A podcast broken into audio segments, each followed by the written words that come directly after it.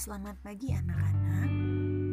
Pagi hari ini sebelum kita memulai kegiatan belajar, kita mau awali dengan mendengarkan kebenaran firman Tuhan terlebih dahulu. Judul renungan kita pada pagi hari ini, kita dapat menghasilkan buah yang baik dengan cara mengasihi, mengampuni, dan jujur. Di dalam Matius 7 ayat yang ke-20, jadi dari buahnya lah kamu akan mengenal mereka. Mama, Didi, Santi, Papa pulang, seru Papa ketika masuk rumah sore itu.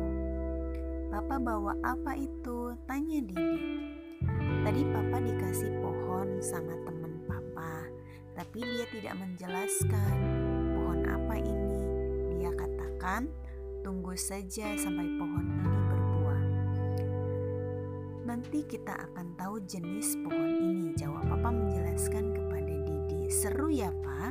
Jadi kita harus tunggu sampai pohon ini berbuah. Memang melalui buahnya kita akan menjadi tahu jenis pohon apa ini, kata Kak Santi kepada papa.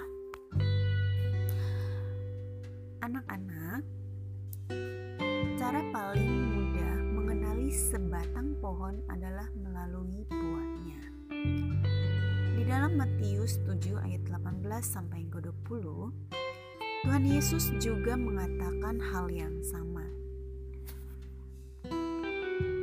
Tuhan Yesus mengatakan bahwa pohon yang baik pasti akan menghasilkan buah yang baik. Demikian juga pohon yang tidak baik akan menghasilkan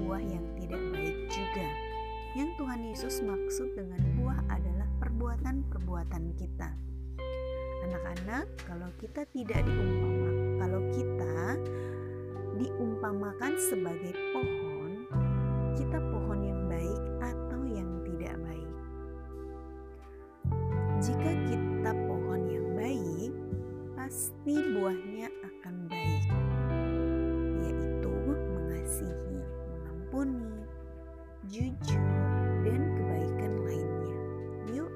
hasilkan buah yang baik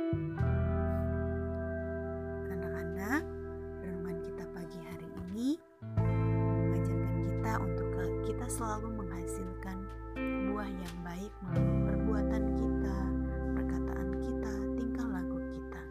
Kita harus menghasilkan buah yang baik untuk orang-orang yang ada